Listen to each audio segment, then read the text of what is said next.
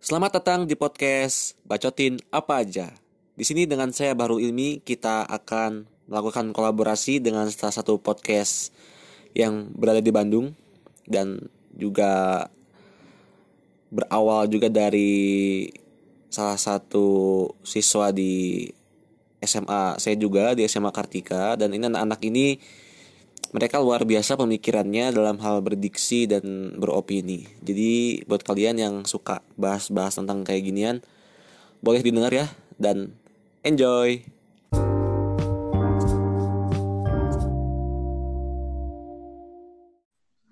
Oke, Yuk. oke. Oke, assalamualaikum warahmatullahi wabarakatuh. Eh, Salam. selamat sore, selamat Sore. malam buat teman-teman SMA, SMP, SD dan teman-teman kuliah di UNY dan UGM. Teman-teman yang di alam barja. Itu teman kita. Nah, harus nyapa gitu. Harusnya Eh, harus ini podcastnya mau santai aja lah ya, santai ya. santai. Oke, sebelum kita lanjut, eh, buat teman-teman yang dengerin podcast ini, kalau misalkan ada masukan-masukan, boleh nanti kita bahas apa, kita bikin podcastnya. di IG bukan Tapi Eh, Oke, itu sebelumnya tuh atuh kita juga mau opening kan. iya atau nanti kan aku mempersilahkan nih teh. Ya, Oh, siap, siap, siap, siap. oke. Saya di sini sedang berbicara dengan salah satu orang, atau mungkin di sana ada beberapa orang, ya. Saya nggak tahu ada berapa jumlah kalian di sana. Cuman katanya kalian mengaku sebagai apa ya aktivis atau pendiri bukan akademisi Bu- bukan akademisi apa sih Terlalu berat akademisi juga bukan sebagai aktivis Maksudku gini, pintar saja tidak punya apalagi bodoh. pintar saja tidak punya apalagi bodoh Kita bukan Berarti- akademisi. berarti orang yang tidak pintar eh, apakah masih masih bisa disebut orang bodoh atau gimana Kurang ngerti. ya kita mah bukan akademisi ya tuh. Oh karena bukan oh oke oke oke paham paham. Oke sebelumnya perkenalan dulu dong kalian ke para pendengar di podcast bacotin apa aja ini. Kalian siapa dari mana Eh, dan apa motif kalian? mat, nggak ada motif. dan podcast apa sih? Gitu? Pertama saya namanya eh nama di bukan akademisi atau nama lahir atau nama UN atau nama di rumah, nama lapangan nama lapangan. Kalau misalkan di podcast bukan akademisi, salah saya namanya Bung Pantat. Ada Erik, Oh, Bung ada, Pantat. ada Bung Pantat, Erik sama eh, John Lennon itu John Lennon dari Waikambas.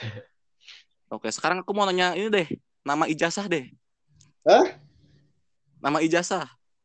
Nama ijazah Muhammad Syamima Maulana. Oh, Dari- Oke, yang ini siapa? Aldian Pranesti Ijazah juga masih di oke.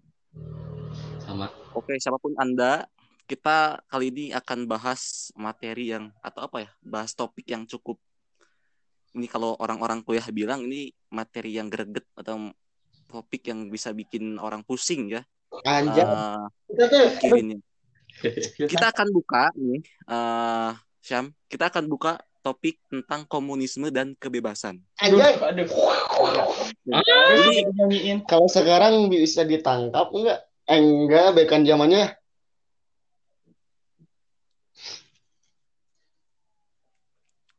ya pokoknya karena kalian udah bersedia datang ke podcast saya ya udah. Kalian harus harus siap memberikan pendapat pendapat kalian opini-opini kalian. Dan yang aku dengar itu katanya kalian itu jago dalam berdiksi ya. Waduh. Nah, jadi uh, aku tunggu juga nih kalian tuh berdiksinya seperti apa sih itu apalagi kan yang enak itu berdiksi untuk mengkritik ya itu enak sekali berdiksi atau berkarya yang menyinggung politik-politik pemerintah itu seperti puisi dan lain sebagainya itu menarik dan boleh dong aku dengar dari kalian kalau ada puisi atau ungkapan-ungkapan diksi yang nanti bisa ya menyinggung tentang politik dan apa pun itu. Kita tuh nggak maksud menyinggung sebetulnya, Bang. Kebingungan Kita tuh sebenarnya sebenarnya kebingungan aja akan akan apa hal yang terjadi di alam semesta raya ini ya, Bung. Ya. Aduh, Berarti kalau kalau ada Anda sekalian kebingungan, apakah itu artinya Anda apa ya? Udah tersesat dalam berpikir gitu. siapa? Ya. Kalau kalian kebingungan, itu artinya kalian udah kayak ya istilahnya kayak tersesat dalam berpikir. Kalian nggak tahu harus berpikir seperti apa, Jangankan berpikir kita mah harus bersikap seperti apa. berkegiatan juga nggak tahu. Bikin podcast juga ujung-ujung kalau istilahnya mah gitu. Ujuk-ujuk dan menamakan podcast kalian bukan akademisi. Iya karena Kenapa kalian nggak kita- kenapa kalian sangat sensitif sama kata-kata akademisi sehingga kalian menamakan bukan gitu. Bukan akademisi. Kenapa sih akademisi gitu? Ken- karena kita emang bukan akademisi. Kan akademisi itu melingkup budayawan, terus eh, hitung-hitungan yang kayak seperti itu. Karena kita mau bahas itu ketika ada orang yang mengkritik, dah kita mah bukan akademisi gitu kan. Gitu. Oke, oke paham paham. Jadi intinya kalian bukan akademisi sesuai nama podcast kalian itu. Ya elah. Gini loh, tapi kalau kalian diajak untuk berbicara atau bersikap sebagai seorang akademisi, mau tidak? tidak. sesuai kapasitas kita tuh memang bukan Sesuai kapasitas, nah itu bener tuh jawaban siapa itu. Herman Dendas Erik Erik Ketika kalian kalau kalian masuk ke dal- dalam lingkungan akademisi, ya mau nggak mau kan harusnya kan beradaptasi juga dong. Jangan 100% menolak. Tidak, bukan menolak. Ini bukan apa namanya teh nama podcast kita dinamain akademisi itu bukan sebuah eh, perlawanan atau penolakan gitu, tapi ke lebih sadar diri lah gitu. sadar diri. Karena Kita mah karena apa? bukan orang pintar, jangankan pintar kan, bodoh saja tidak punya. Oke, banyak yang bilang bahwa seseorang yang menilai dirinya sendiri itu sebenarnya bukan penilaian yang sebenarnya. Kadang-kadang penilaian itu datang dari orang lain. Tuh, Iya. Kalau Anda berbicara bahwa Anda tidak pintar, belum tentu orang lain sependapat dengan Anda. Mungkin orang lain menganggap Anda pintar. Nah, itu bagaimana tuh? kita mah ya sok gitu. Mau ada yang saya pemulung, presiden, budayawan atau elit global nggak apa-apa. balik lagi nggak, sebenarnya balik lagi ke kebebasan beropini berpendapat Iya, gitu. Betul, betul. Jadi ini salah satu hak kalian ya dalam kebebasan berpendapat gitu ceritanya. Iya. Oke, aku terima kasih atas penjelasannya tentang bukan akademisi dan kita akan langsung masuk ke topiknya aja ya. Karena teman-teman yang lain juga ini yang dari podcast langsung pengen dengerin nih tentang komunis dan kebebasan gitu. Tapi sebelum kita ngejelasin atau ikut berbicara tentang akademisi, ya apa komunis dan kebebasan, kita harus eh, menekankan kembali karena manusia itu lebih baik menilai titik terendah dirinya daripada titik tertinggi gitu. Karena titik terendah itu eh, pokoknya me- merendahlah sampai orang-orang tidak bisa merendahkanmu. Gitu. Kalau kamu mau terbang, itu lebih tinggilah dari bintang gitu. dan kalau jatuh Tidak kita akan di antara bintang itu di antara bintang terus karena hidup, Oke, itu teman-teman bisa garis bawahi ya. Iya. hidup ini bukan soal anggur dan rembulan bos Oke, mantap. Itu bisa digaris bawah itu. Itu statement yang bagus Bisa. dari teman-teman bukan akademisi. Oke, ada lagi nggak yang mau disampaikan sebelum kita mulai? ada tapi lupa Tapi lupa. ya intinya mah kan cukup berat ya dibahasnya pokoknya set- eh, setelah mendengar jangan sampai eh dibawa serius gitu loh santai Nah, ini satu aja. Soalnya eh, secara kurang etis kalau kita terus melihat dari satu kiblat saja gitu Karena bukan siapa kita mah. Udah mah bukan akademisi bukan siapa-siapa bukan tuan Bukan Ah, ilmuwan, bukan bukan ahli. bukan ahlinya ada ahli gua. Ya, kita kita paham posisi masing-masing. Sama orang berhak berpendapat, sama orang punya pandangan-pandangan yang berbeda.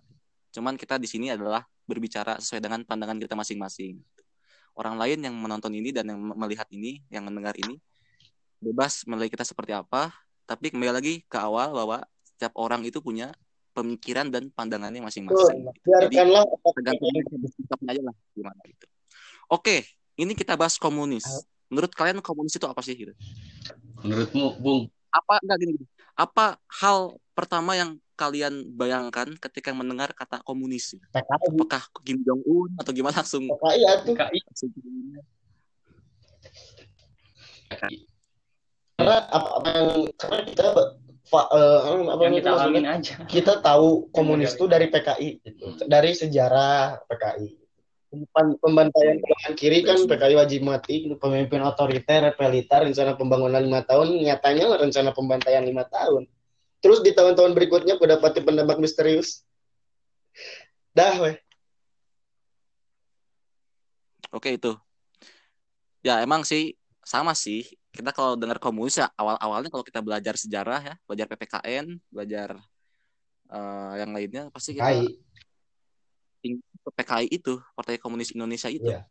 Ya, PKI ini. Apa? ya? Jadi kayak image-nya komunis Indonesia itu ya PKI gitu. Maskot. Tapi kita pengen tapi aku pengen bahas komunis secara keseluruhan nih, secara umum nih. Ya. Katanya yang namanya komunis itu tidak ada ruang untuk kebebasan. Benar nggak sih? Kalau menurut kalian? Bok, ada yang mau duluan beri opini? kalau misalkan komunis itu tidak ada ruang untuk kebebasan negara ini apa Hmm. Menurut saya mah komunis teh bebas banget. Tapi makanya saya mau komunis. Enggak. Menurutku maksudku begini, kalau me- melihat dari komunisnya eh banyak bidang-bidangnya dari komunis, misalkan ekonomi atau pendidikan, cara pembudayaan di masyarakat. Kalau dilihat dari sistem ekonomi, si komunis ini kan eh, kepemilikan bersama gitu. Eh, Sedangkan jika sistemnya sudah dihak patenkan seperti itu dengan bidang-bidang yang yang lainnya juga akan menyempitkan ruang eh, untuk kebebasan juga gitu. Walaupun padahal dulu hampir bisa dibayangkan bahwa mereka yang berkomunis itu bercita-cita ingin kebebasan gitu. hmm. Sesuai gitu. Tapi ah, pada hasilnya tidak sesuai juga gitu. Bukan hal yang terbaik untuk setiap insan manusia. Gitu. Wassalam. wassalam Yang terbaik gitu. Jadi ah, oke. Oke aku tangkap ya.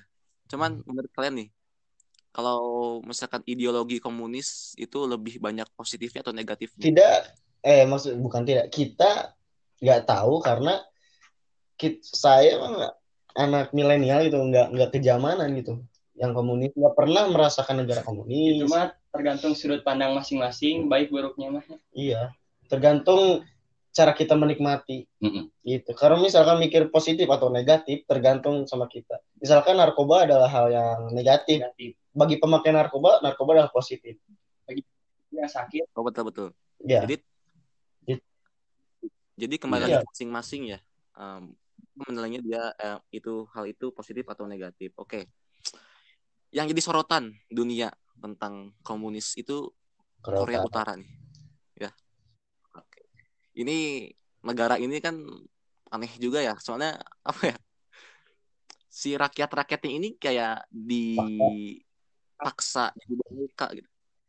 Setiap ada acara-acara penting kenegaraan mereka itu mereka tuh dipaksa dipaksa untuk berekspresi. Padahal itu tidak sesuai dengan keinginan mereka. Misalkan ada pemimpin Kim Jong Un lagi lewat, mereka harus Hmm. bersorak-sorak. Kalau yang bersorak katanya bakal ditangkap dan bakal dibunuh atau gimana dieksekusi gitu. Terus kalau ada yang meninggal salah satu pemimpinnya tuh ayahnya Kim Jong Un itu pas meninggal itu kan yang menjadi harus apa ya, sedih ah, harus sedih itu sampai teriak-teriak histeris. Kalau yang nggak sedih nanti ketahuan Tangkap. bakal diapa-apain gitu. Itu kan sudah menandakan bahwa komunis itu tidak ada ruang untuk kebebasan kalau untuk di Korea Utara. Ya. Meskipun pada akhirnya pemerintah mereka itu melakukannya itu semua untuk kesejahteraan rakyatnya, tetap balik lagi untuk untuk keamanan rakyatnya. Tapi mungkin budayanya dan cara-cara mereka itu ya seperti itu. Tapi pada akhirnya kan dia membuktikan Korea Utara menjadi salah satu negara di Asia yang kuat. Hmm. Nah itu menurut kalian gimana kalau misalkan ya kalau misalkan misalkan apa Indonesia partai ini ya eh, ideologi komunis di Korea Utara itu bisa di kita simpulkan atau misalkan pandangan saya ya itu malah banyak positifnya karena menjadi negara itu kuat dan ditakuti. Betul. Tapi buat rakyat Nah, kalau memang ideologi itu bagus, apakah masih mungkin diterapkan di Indonesia gitu? Untuk memberantas yang pertama korupsi, kolusi, nepotisme. Gak akan ada lagi dong yang kayak gitu kalau misalkan ideologinya komunis, apa-apa dieksekusi. Ya meskipun ada uh, apa ya sifat pemimpin yang otoriter dan lain sebagainya. Menurut kalian gimana? Adakah ruang atau adakah uh, apa ya peluang Indonesia untuk siapa, siapa tahu beberapa tahun ke depan jadi ideologinya komunis nih gimana Nggak menurut kalian? bisa. Nggak akan kalau misalkan Indonesia. Walaupun Tidak menutup kemungkinan.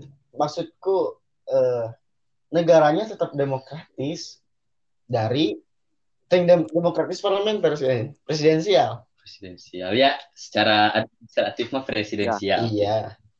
Tapi tingkah-tingkahnya mereka seperti makhluk komunis.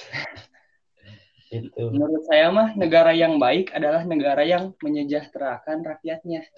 Emang Kalau tujuan negara gitu. Ya kalau komunis di Indonesia, apa orang-orang masyarakat di Korea Utara itu bahagia atau enggak sih? Sejahtera atau enggak? Kan mereka semua teh dikekang gitu.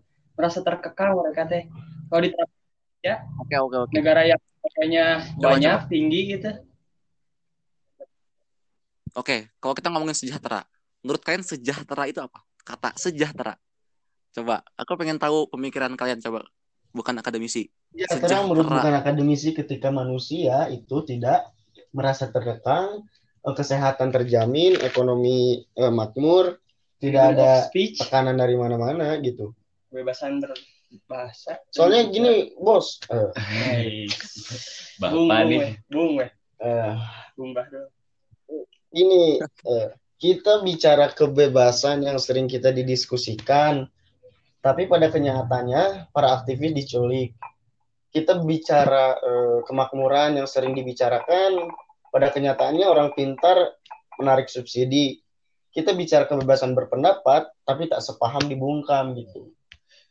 ya terus menurut saya sih dari Erik, kalau misalkan ini bisa bisa dari segala ideologi, misalkan bisa bisa komunis, liberal atau mungkin marxisme, mereka itu hanya satu paham kembali lagi kepada manusianya gitu.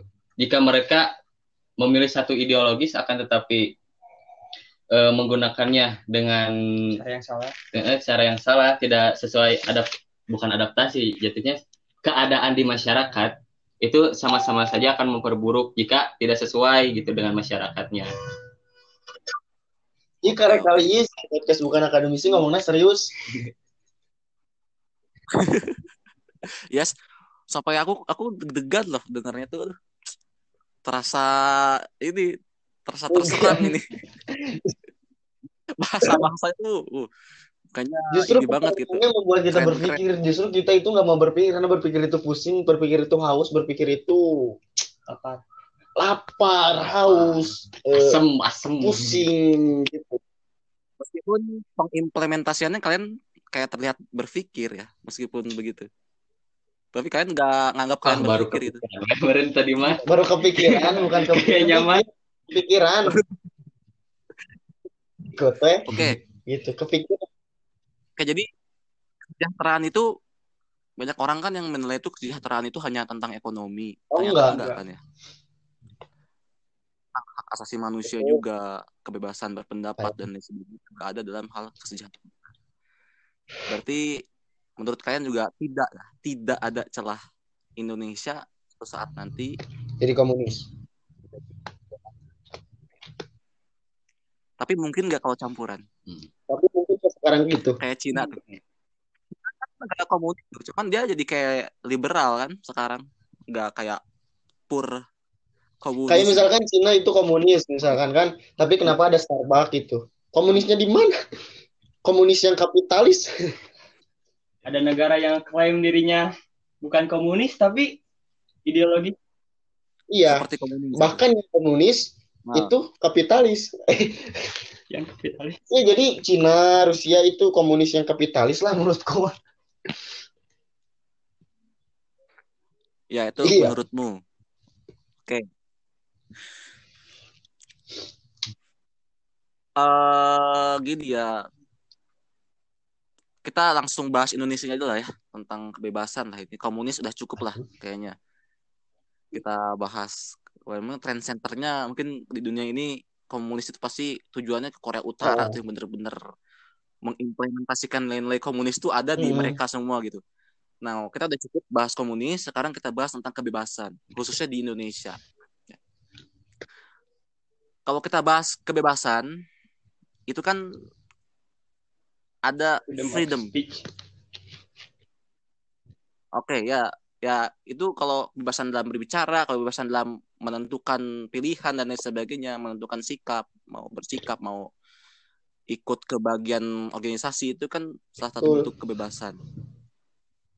Tapi nyatanya kebeba- kebebasan ini terbobrokan dengan kelakuan-kelakuan para petinggi negara yang meraup eh, hak asasi manusia itu. Kalian ini enggak apa ya? eh pernah geram nggak mendengar itu Menteri Sosial yang korupsi? dari zaman Uang Gus Dur itu kan Gus Dur itu bilang bahwa eh, lembaga sosial itu emang harus tidak ada karena yang lembaga sosial itu adalah kedok untuk mereka para koruptor gitu. mencari uang Hmm. So di di lembaga sosial di Menteri Sosial itu uangnya sangat banyak menurutku. kebebasan itu hanya untuk orang yang bebas bebas beruang mungkin mungkin Coba bener nggak kalau ada pernyataan gini? Kebebasan itu hanya dimiliki orang oleh orang yang menguasai. Ya, emang semuanya juga benar karena kebebasan itu hanya untuk orang yang menguasai sejarah dibuat oleh dia yang menang itu udah rahasia umum lah. semua privilege ada Ya penguasa itu Oke. yang memiliki power besar itu punya kayak punya hak privilege untuk apa pun gitu. Walaupun mereka bu, eh, apa namanya teh bukan dari eh, orang-orang eh, pemerintahan gitu. Mau punya uang banyak kamu aman gitu. Ah, ah, gitu. mungkin perihal bumi ini tentang uang gitu senjata-senjata benar. mereka mungkin bisa sistem yang mereka buat lah ataupun pemikiran-pemikiran yang tidak menguntungkan ke pihak yang lain pun itu mereka mungkin sebagai senjatanya. Cuman pesanku ini mah kalau ingin menguntungkan menguntungkan lah gitu loh buat masing-masing buat misalkan dari satu pihak. Tapi jangan sampai merugikan orang lain lah kalau misalkan yang, yang membahas tadi perihal bansos itu memang menguntungkan akan tetapi ap- hanya memperburuk suasana yang apalagi sekarang lagi pandemi gitu. Sangat mengecewakan lah bahwa orang yang dipercaya oleh rakyat oleh staf dan kepresidenan di sana ingkar gitu Iya, karena emang emang emang, emang gitu tujuannya gitu. Jadi semakin tinggi semakin banyak M kan rakyat biasa mah 3 M. Kalau kalau pemerintah mah 17 M. Iya, kalau dia bukan akademisi ngomongnya terstruktur. Bener ya, bukan aku. Biasa gitu. Padahal kita mencegah untuk berbicara terstruktur gitu. ngobrol gitar ngobrol gitar Ngobrol, main gitar, main harmonika. Boleh, boleh kalian eh, bawa style Siap. kalian aja nggak apa-apa di sini, mau main gitar Siap. kan itu. Cuman ini ada yang tadi kan bahas tentang ingkar-ingkar gitu ya. Ini jadi aku keinget ini nih. Para pejabat ini kan sebelum menjabat kita disumpah. Iya. tuh. Mereka jadi bukan hanya ingkar ke rakyat tapi ingkar ke Tuhan. Secara vertikal jadi ingkar juga kepada yang di atas. Ini Iya, Gimana memang ini? karena kata, kata Profesor Said bilang eh Singapura takut takut sama karena mereka di perairan Pasifik. Jadi negara maju gitu. Amerika Iya. takut sama Cina Cina takut sama Amerika Eh, eh, tapi Indonesia mah Tuhan pun tidak ditakuti. Jadi ya santuy gitu ah, Mas. Tapi terdengar elegan ya kata-kata itu seakan-akan Indonesia negara yang hebat Tuhan aja tidak ditakuti gitu tapi keadaannya Hmm. goblok juga gitu. Ya mohon maaf aja ini kenyataan ya. Ternyata budaya politik di Indonesia itu masih belum bisa berubah ya dari dari korupsi. Sehingga banyak orang berpikirannya tadi udah dikomuniskan saja harus tegas otoriter aja pemimpinnya. Hukum mati hukum tegas gitu. Nah menurut kalian tuh gimana tuh hukum mati itu banyak digaungkan sama orang-orang dan politikus-politikus lain tuh kenapa sih? Susah banget gitu Indonesia menghukum mati para koruptor-koruptor ini gitu. Bahkan sekarang orang-orang yang di penjara aja di penjaranya itu kayak hotel gitu di, dibuat sedemikian nyaman, rupa. Di Sukamiskin gitu. Itu menurut kalian gimana itu? Aduh. menurut menurut kita mah kayak eh, Indonesia tuh tahu gitu. Eh, kapan waktunya berperang tahu siapa lakonnya atau siapa korbannya gitu. Sikon tapi tidak berani mengungkapkan. Hmm. gitu. Tahu segalanya kayak Amerika bisa eh, tahu hasil pemilu dalam eh, 30 20-an hari. Nah, eh, kayak negara Afrika beberapa hari baru ketahui tapi Indonesia mah hasil pemilu itu belum sebelum pemilihan itu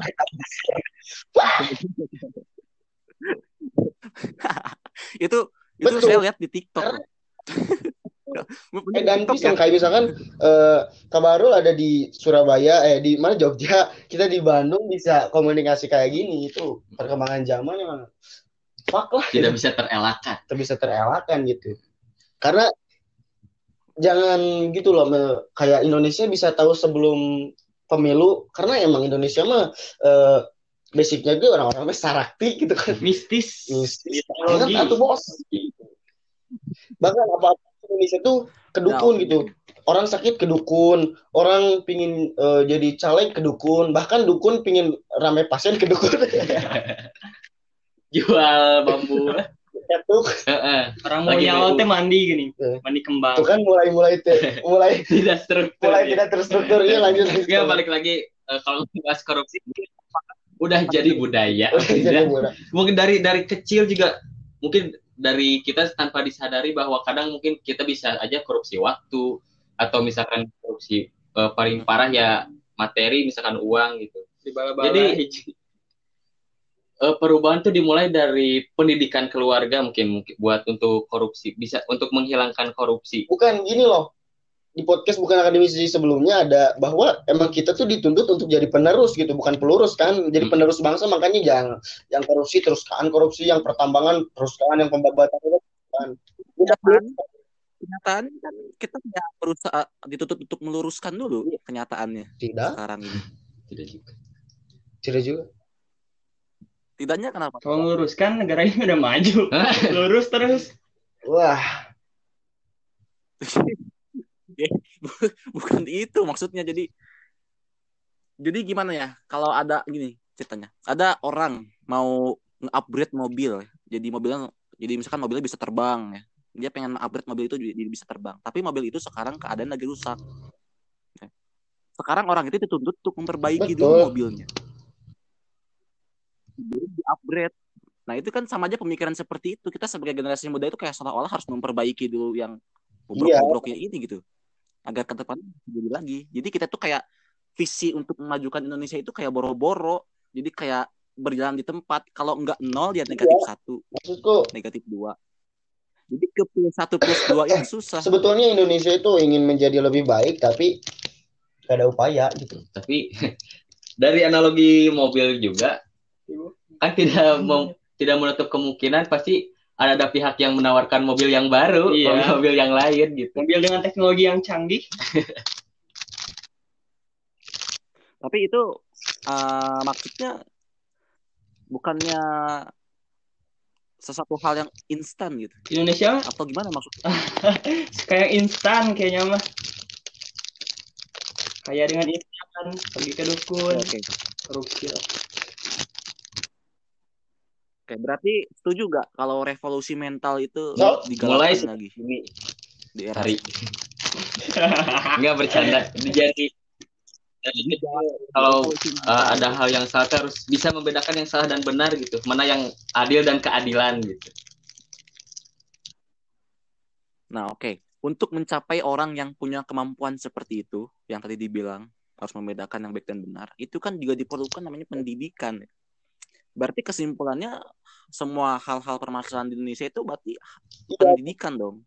Bagaimana cara kita untuk meningkatkan SDA eh, SDM maksudnya sumber daya manusianya itu yang berkualitas. Bukan hanya kita bicara tentang kuantitas tapi kualitas gitu. Kualitasnya harus bagus gitu. Berarti setuju gak pendidikan itu di Indonesia itu ya seenggaknya jangan pelit lah gitu. Iya, kayak memberikan uang setiap orang gitu. Memberikan peluang pada Oh. orang mungkin dari mulai bangku SD dibina sedemikian rupa maksudnya pendidikan tidak pelit itu kayak gimana? Gimana maksudnya? Pendidikan yang tidak pelit itu kayak apa? Kalau misalkan pendidikan masalah waktu, kita mengorbankan banyak waktu untuk belajar gitu. Sampai-sampai kita tidak tahu potensi diri gitu. Karena sekolah dari jam 7 sampai jam 2, belum di, di itu tuh ada tugas. Tugas misalnya jadi tugas atau ada yang mau main sebentar nongkrong gitu. Terus kita tuh lelah, ngantuk, tidur gitu. Kapan kita memikirkan potensi diri kita kalau kita harus dituntut menyelesaikan tugas-tugas sekolah yang kita itu bahkan kadang nyontek, nyalin atau cuma satu persen lah orang-orang berpikir gitu. Karena apalagi sekarang ada Google, hampir jadi sa- satu kelas itu sumbernya bukan dari satu orang. Mungkin dulu pas SMP mah jarang-jarang yang lihat Google. Eh, adalah satu atau dua orang yang ngerjain sendiri, terus teman-teman nyontek. Nah sekarang-sekarang itu udah ada di Google semua. Jadi sumbernya itu semuanya ada di Google gitu. dan lahirlah budaya tidak percaya diri Ah, ah. tentang lantung hanya karena eh, kebanyakan mereka benar dengan media bantuan sedangkan kita dengan mungkin kualitas jawaban yang kurang dianggap ti- tidak sama dengan mereka jadi dianggapnya mungkin ah salah gini Hmm. Ah, ini ya tapi tapi hal seperti itu kan tidak selamanya benar kalau misalkan soal berkata satu tambah satu ya pasti semua orang Dua jawab tuh. satu jadi tuh eh eh bener, bener. jawab dua jawab dua jawab dua ya pasti jawab dua kan dan seharusnya guru tersebut atau pembimbing tersebut tidak berhak menanya kenapa soalnya itu kenapa jawabannya semua sama? Ya karena soalnya seperti itu bu. So- soalnya sama semuanya dan Kenapa jawabannya enggak empat itu. dikurang gitu. dua? Sama dua. Satu tambah satu dua. Tiga dikurang satu 12 dua. dikurang 10 dua. Banyak media referensi atau pemikiran-pemikiran yang eh, bisa dilahirkan oleh diri kita sendiri gitu loh. Walaupun jika kita tetap tidak peduli dengan dengan pendapat orang lain gitu loh. Menurutku ini jawabanku yang benar dan- atau nyaman untuk aku isi. Apa salahnya? sekarang pengennya yang instan gitu jawaban Riley ada bukan kalau tapi setuju dong instan tidak baik kan cuman teknologinya nggak digunain dengan baik gitu bukan hal yang positif kita tidak menyalahkan teknologi semua. Itu. Oke. Eh, aku pengen bicara dulu ya ini tentang kenapa sih kita belajar itu kita belajar semua materi lama-lama gitu di SD 6 tahun, di SMP 3 tahun. Kadang-kadang kita susah menemukan bakat kita di mana gitu. Tapi kenyataannya tujuan kenapa kita belajar banyak materi itu di ilmu pendidikan ya. Di matkul saya tuh ada dijelasin di situ. Karena untuk mengetahui potensi anak gitu ya kita harus belajar Baru semua dipelajari di kuliah. Karena itu. Nah, itu nanti, nanti dulu nanti dulu dong. Jangan- nanti nanti dulu nanti dulu. Nah itu supaya apa? Dari kecil dia belajar dulu semuanya. Udah gitu bakal tahu tuh mana mereka yang cocok. Cuman aku nggak setujunya ya kenapa tadi kenapa harus pas mulai kuliah gitu. Meskipun sebenarnya ada jalan juga yang lain kan. Sudah SMP ada pilihan juga banyak. Mau itu pas madrasah mau itu SMK itu kan yang lebih menjurus kan. Itu sebenarnya udah ada sih tawaran seperti itu. Tapi menurut aku kayaknya SD SMP terlalu Lama. lama lah ya. Cukup. tahun itu. Sangat lama. Sangat lama Wajib sekolah haid 12 atau bahkan sekarang kalau dulu kan eh, tahun 2001 eh tahun 2007-an 2008 itu kan SD kelas 1 2 3 itu cuman sekolah 2 jam kan. Jam 7 sampai jam 9. Kalau sekarang dengar-dengar sampai jam berapa itu jam hampir mau jam sampai jam 12 udah kayak SMP aja gitu anak SD. Ya itu salah satu hal yang harus dibenahi juga lah ya. Ini kritikan juga buat pemerintah.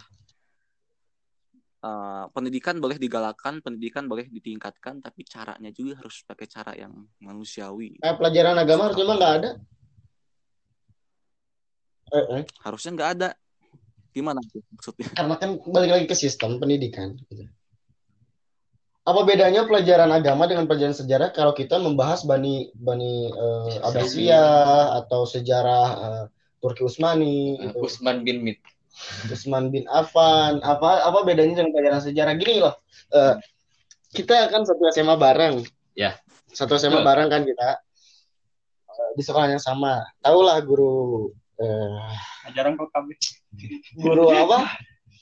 Agama Hmm. nilai aku agama itu tentang tur apa mau sih Usmani. lain masih Lain. pelajaran kelas ada kelas 11 itu kelas 11 awal-awal pelajaran eh kalau kelas 10 nilaiku itu 64-an Bawa KKM. di bawah Ya. KKM aku nanya ke gurunya Pak atau siapa masuk su- neraka tuh Ah, kata Pak siapa itu? karena maksudku agama itu Ini tidak berpengaruh kepada kualitas iman ah. Harusnya mah pelajaran agama ada tapi bukan berbentuk eh, kayak ada kurikulumnya atau lebih baik bagus mah kayak pendidikan karakter kayak ada sekarang mah ada pendidikan karakter di sekolah tuh ada kepramukaan gitu menjadi kayak gimana gitu. Hmm. Nah, gimana kalau misalnya agama belajar ilmu tafsir atau akidah, akhlak gitu kan lebih indah dibandingkan kita mempelajari eh, sejarah-sejarah karena itu sejarah itu udah ada gitu loh. Karena kalau kita misalkan belajar tentang karakter menjadi manusia Islam, jadi anak soleh, itu lebih baik kayak misalkan ujian akhir saya waktu kelas 10 kan lihat eh, Bung nih, ujian akhir itu adalah menikah gitu. Stigma di otak siswa itu yang masih labil, eh, ujian praktek menikah itu sangatlah eh, menyenangkan gitu. Tidak sedikit orang yang berpikir cepat-cepat nikah gitu. Kenapa tidak ujian akhir itu menghafal Al-Quran yang banyak dan mereka sendiri punya metode-metode baca Al- bacaan Al-Quran dengan cepat, terus bisa terus-terusan kan bisa jadi tahfiz atau kan? Daripada lu langsung nikah. Gitu karena pemikiran di, kita tuh di di, di, dikasih eh, apa gambaran gambaran tentang itu gitu. Walaupun menikah itu tidak perlu diajarkan gitu. Pernikah itu bisa dari budaya eh, eh, apa budaya orang tua budaya daerahnya sendiri itu ada udah dipelajari tentang Islam juga ada nanti pasti diajari Maka bisa gitu. sendirinya lah Heeh. kayak Apa? Maka bisa dengan sendirinya. Iya. Ting hewan. kebutuhan biologis Iya. Kayak gitu. Kurang lebih seperti itu. Gitu kayak pendidikan agama itu lebih ke pendidikan karakter menurutku bukan ada di pelajaran sekolah gitu masuk kurikulum gitu. Karena gimana tuh kalau masuk kurikulum? Terus kalau yang sekarang itu gimana? Lebih ke kayak lebih ke Formalitas formalitas, aja ya? justru. Saya gini ya. Disuruh jadi ujian praktek sholat fardu. Kenapa dari TK kita masa nggak percaya gitu sama sama kita yang udah umur eh, 17 tahunan ke atas tentang sholat gitu. Sholat aja dinilai gitu. Seakan beliau adalah sang penilai sesungguhnya. Ah, Bahaya itu sih. bahaya. Manusia menjadikan dirinya sebagai Tuhan dan Tuhan tidak jadi siapa-siapa di hati mereka. kayak ini teman-teman yang dengar podcast ini sekali lagi nih kita lagi bicara sama anak-anak bukan akademisi ya dari cara bicaranya jangan berpikir agak. banget. Kita buat kalian buat kalian yang mau yang mau kenalan nanti bisa aja nanti kita share kontak mereka nih buat kalian yang mau kenalan anak-anak khususnya buat kalian anak-anak UNY dan anak-anak UGM yang mau kenalan boleh oke kita Masih lanjut ya Ah, Kita lanjut Oke, kita lanjut. Kita kembali lagi ke topik awal tadi tentang eh, komunis dan kebebasan. Iya. Mungkin udah cukup Jadi jelas yang jauh. Maaf, Agama. maaf. ada something wrong gitu. Ada satu hal yang salah. Dan tadi benar pendidikan adalah salah satu hal yang harus lebih diperhatikan dan seharusnya anggaran untuk pendidikan itu tidak boleh pelit. Justru harus digelontorkan dengan jumlah yang besar dan dilaksanakan oleh orang yang tepat gitu. Agar tidak terjadi lagi korupsi-korupsi yang seperti itu yang merugikan banyak dan merenggut hak asasi orang banyak. gitu. Tapi ngomong-ngomong Indonesia, ini apa ya pembahasan terakhir lah, ya. karena udah lama juga ini. Ini Jam. kita Pancasila ya. Ada Gimana kak? ada satu statement dari salah satu idola, bukan idola ya, yang saya kagumi lah ya, bukan idola, idola ag- agak Oh. aneh juga nyebut idola. Yaitu Bapak yang terhormat filsuf Rocky Wah. Gerung itu. Anti satir satir konsep filsafat karena aku suka sama orang-orang yang berpikir secara filsafat itu lumayan suka orang-orang filsuf itu dia eh, berpendapat tentang nilai-nilai Pancasila yaitu antara nilai sila satu dan nilai dua dan dia menyimpulkan bahwa sebenarnya Pancasila ini adalah ideologi yang keliru kenapa yang keliru karena tidak ada kesinambungan antara sila satu dan sila kedua. Ini aku pengen ini nih karena ini pendapatnya Bung Rocky kayaknya cocok juga kalau kalian berpendapat dengan bahasa kalian yang luar luar biasa gitu. Bung Rocky Gerung itu bilang ya kalau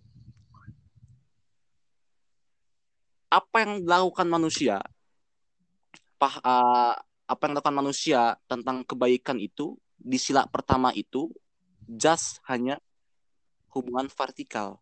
Semuanya demi pahala dan hubungan kepada Tuhan yang di atas. Tapi sila kedua tidak menyebutkan demikian. Kalau sila kedua hanya berisi kemanusiaan yang adil dan beradab. Tidak harus berharap pahala. Tidak harus hal vertikal, tapi horizontal juga. Sehingga ada pertentangan antara sila satu dan sila kedua. Sila satu menganggap apa pun yang dilakukan manusia semata-mata hanya untuk vertikal, hanya hubungan manusia dan Tuhan. Tapi di sila kedua tidak menyebutkan demikian. Karena dijelaskan Pancasila itu kan nilai-nilainya saling berkesinambungan satu sama lain. Tapi Rocky Gerung ini berpikir bahwa ya itu memang pandangan beliau, cuman ini masuk akal juga gitu. Kalau menurut kalian gimana tuh? Kalau menurut kita, Ya, sebenarnya sila kedua dan sila pertama ini soalnya uh, penjabarannya itu bertentangan menurut Bung Rocky Gerung. nyambung, Menurut Bung Syam gimana ini? nyambung. Nyambung. Kamu dulu dah bung. Kalau misalkan dari agama, misalnya Islam, Hmm. eh, satu ketuhanan esa di satu di sila pertama, kedua eh, kemanusiaan yang adil dan beradab. Emang walaupun di surat An-Nisa di- dikatakan bahwa manusia itu tidak pernah adil gitu kan. Hmm. Eh, ya setidaknya adilnya porsi manusia gitu maksudnya. Hmm. Tuh kayak di agama kan maksudku ketuhanan yang Maha Esa itu sudah mencakup beberapa culture gitu kan. Agama, budaya, ada agama, eh ya kayak gitulah. Jangan ngerti juga, aku bukan akademisi ya. Terus yang sila kedua itu eh, menyebutkan eh, apa sih? Kemanusiaan yang ada dan beradab. Adil dan beradab. Kemanusiaan adil beradab. Nah, itu adalah poin-poin menurutku ma- kemanusiaan yang adil dan beradab itu adalah salah satu bentuk dari kebaikan gitu. Karena agama itu mengajarkan kebaikan. Hmm. Jadi secara Saling- tidak langsung juga tetap berhubungan dengan Tuhan. Berkesinambungan. Iya, Tidak langsung tanpa, tanpa disadari juga tetap itu adalah nilai-nilai keagamaan, nilai religius kan berbuat baik dan lain sebagainya. Oke, benar juga gitu. Ya ini semata-mata hanya pikiran dan pandangan orang. Gitu. itu mah pikiran, Rocky bukan berpikir. seperti itu. Maaf, Kalian berpikir itu. saya mah nggak mikir tapi kepikiran gitu. Ya karena bukan akademisi itu. Ya. Karena Indonesia itu banyak orang yang mengaku saya terdidik, saya terpelajar. Kalau misalnya di pandangan saya, di pandangan kita bukan akademis ya, kata ter itu adalah kata yang ketidaksengajaan. misalkan terjatuh. terjatuh saya eh, tertendang oleh Erik bedakan sama saya ditendang Erik yang disengaja yang mana gitu. Jadi terdidik dan dididik itu jauh banget gitu. Jadi terdidik mah ya teka aja gitu. Nggak sengaja nggak sengaja nggak sengaja belajar gitu nggak sengaja pintar gitu. Tapi beda lagi dengan dididik untuk menjadi seseorang gitu. Karena pendidikan Indonesia Oke. itu mengajarkan manusia menjadi seseorang bukan seseorang menjadi manusia. Karena jadi weh manusia teh bingung gitu. Seperti salah menjadi manusia gitu. Nggak tahu porsinya sebagai manusia itu apa gitu. Eh, tadi dididik terdidik. Itu kan kayak suatu ini prinsip pendidikan itu kan dididik dan ada yang dididik. Ada yang terdidik dan dididik. Oke gitu. Yang nggak tahu aku ngomong apa bingung. Yuk, udah udah ngebul ya clear kita mah emang, emang kalau kalau berpikir mah bikin bingung. Makanya kita nggak suka mikir nunggu kepikiran yang kepikiran diomongin gitu Hmm. tapi menyesatkan tidak karena Hmm. biarkan otak-otak pendengar yang berdiskusi gitu Oke, memancing orang buat berpendapat juga ya bagus. Eh, Oke, mungkin itu aja ya yang bisa kita bawa lah di podcast ini. Mungkin di lain kesempatan kita bisa kolaborasi lagi insya Allah insya Allah membahas isu-isu terkini anjay. Eh, ini Atau hal-hal yang banyak orang sering bilang. Dan tadi tentang pembahasan tadi tentang diakui mengakui itu sama seperti salah satu kalau orang wibu bilang itu Halo? menurut Itachi. Iya. menurut Itachi untuk menjadi seorang Hokage. Untuk menjadi seorang Hokage uh, untuk menjadi seorang Hokage yang hebat jangan mengakui bahwa diri kalian itu sebuah uh, adalah Hokage yang hebat tapi harus diakui oleh warga desanya itu desa Konoha nah itu kata Itachi cenah Kalau mau jadi Hokage, jadi warga itu motivasi motivasi di temenan. kata yang bagus itu di dunia dunia perfilman anime itu bagus kata-kata Temenan jadi Hokage. itu siapa tuh yang itu yang suka nonton anime itu Aldian ya? Aduh, Erik. ya pokoknya itu aja lah. Eh, susah-susah suka musik Jepang. Oh, anak cucu suka wibu. Suka wibu. aja di wibu. Tapi semua profesi semua status juga punya kelebihan dan kekurangan masing-masing. Betul. Tergantung kita menikmati selagi dia enjoy dengan kehidupannya dan gaya hidupnya ya udah no problem. Tahu adik Pramudia Nantatur Yang mencari. oke oke. Makasih. Ah udah bukan akademisi dari Bandung. Juga. Ya dari Bandung. Anak-anak ini nih anak-anak Kartika. Ada satu, satu lagu. Dari siapa? buat teman-teman uh, teman-temanku di SMA SMP uh, teman-teman kampung dan teman-teman di kuliah di UNY di UGM dan kenalan-kenalan di kampus lainnya kalau kalian ingin ada masukan buat bahas apa-apa bisa di Gak ada kolom komentar kita ini. Mungkin nanti juga kita bisa bareng lagi sama bukan akademisi. Iya. karena ini seru. Kita bahas politik kita bahas tentang kerjaan bahas sosial ini. Padahal kita nggak ngerti. Oke, saya sebagai penutup aku pengen denger dong kata-kata puitis kalian tentang negara inilah. Aish. Hihihi. Indonesia ya tadi kini bukan soal anggur dan rembulan Oh.